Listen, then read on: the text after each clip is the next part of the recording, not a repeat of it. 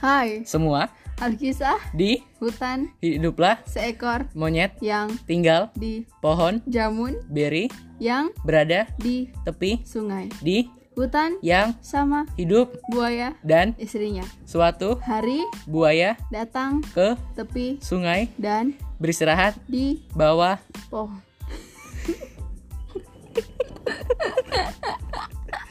lanjut Lanjut. batalin dulu.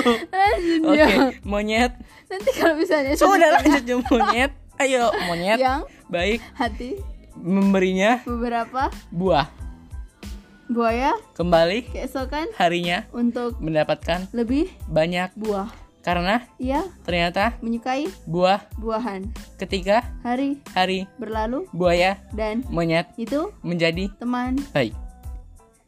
Suatu hari monyet mengirim beberapa buah untuk istri buaya istri buaya makan buah buahan dan menyukainya. namun dia tidak suka suaminya menghabiskan waktu bersama monyet. Dia memberi tahu suaminya buahnya sepat dan tidak enak. Saya membayangkan betapa manisnya hati hati monyet itu berikan aku jantung monyet buaya itu tidak mau membunuh temannya. tetapi tidak punya pilihan. karena dia juga menyayangi istrinya. Keesokan harinya dia mengundang monyet ke rumahnya untuk makan malam dengan alasan istrinya ingin bertemu bertemu dengannya.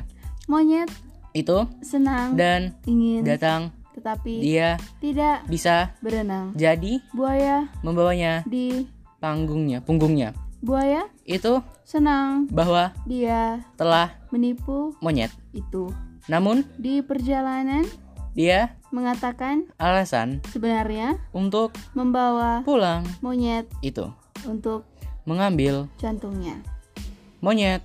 Itu pintar itu berkata seharusnya kamu memberi tahu saya sebelumnya saya meninggalkan jantung saya di pohon kita harus kembali dan mengambilnya. buaya percaya padanya dan membawanya, membawanya. Kembali ke pohon. sesampainya di pohon monyet segera memanjat dan menyelamatkan hidupnya.